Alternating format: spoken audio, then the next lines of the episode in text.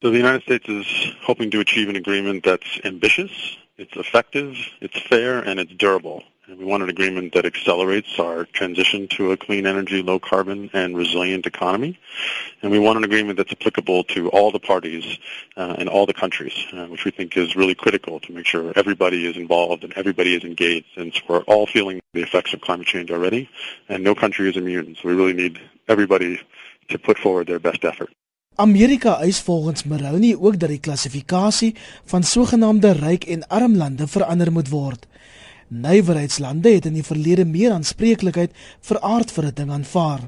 Yes, I'm hoping that we come out with a universal agreement that brings all of us together. I know that this is a historic opportunity, both for an agreement on climate change, but also an opportunity to show the world that we can come together and tackle what really is a global challenge. It's not one country's challenge. It's not just one group of countries' challenge. It's a global challenge that we will all face.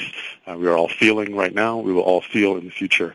Uh, and I am very hopeful. I know President Obama staked a lot on coming to an agreement. I know President Zuma has said the same. And so I hope with their leadership and the leadership of many other countries that we can come to an agreement. Volgens Maroney het Suid-Afrika 'n belangrike rol te speel by die klimaatsberaad in Parys. In Durban, South Africa, 4 years ago, we started these climate negotiations towards COP21 at COP17, and South Africa played a critical leadership role there. South Africa also chairs the G77 plus China negotiating bloc, and as a country has an important leadership role to play. And I think that South Africa has shown leadership on this issue. It's obviously an important player globally, and it's one that we need to work together with and are working together with very closely to come to a universal agreement. Wyd belê het in Suid-Afrika se programme vir hernubare energie. Actually, U.S. companies form the largest block of investors in the Renewable Energy Independent Power Producers Procurement Program. And we're very excited about that. Uh, actually, that is a model program for the world, and it shows the, the power of the private sector to, to bring the resources to bear.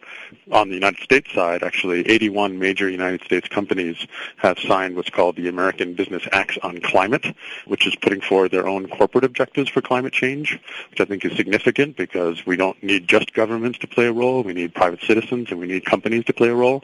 And to give you a sense of the scale of that, those 81 companies, they actually employ 9 million people and they have total revenues of as much as $3 trillion.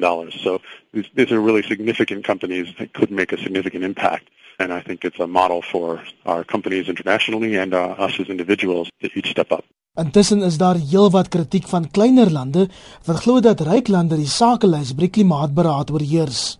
We are doing a lot to hear the pleas of smaller countries. Part of the design of the individual nationally determined contributions program is to say, let's all do our part but let's all do our part based on our own circumstances and our own ability to act. And I think that reflects that.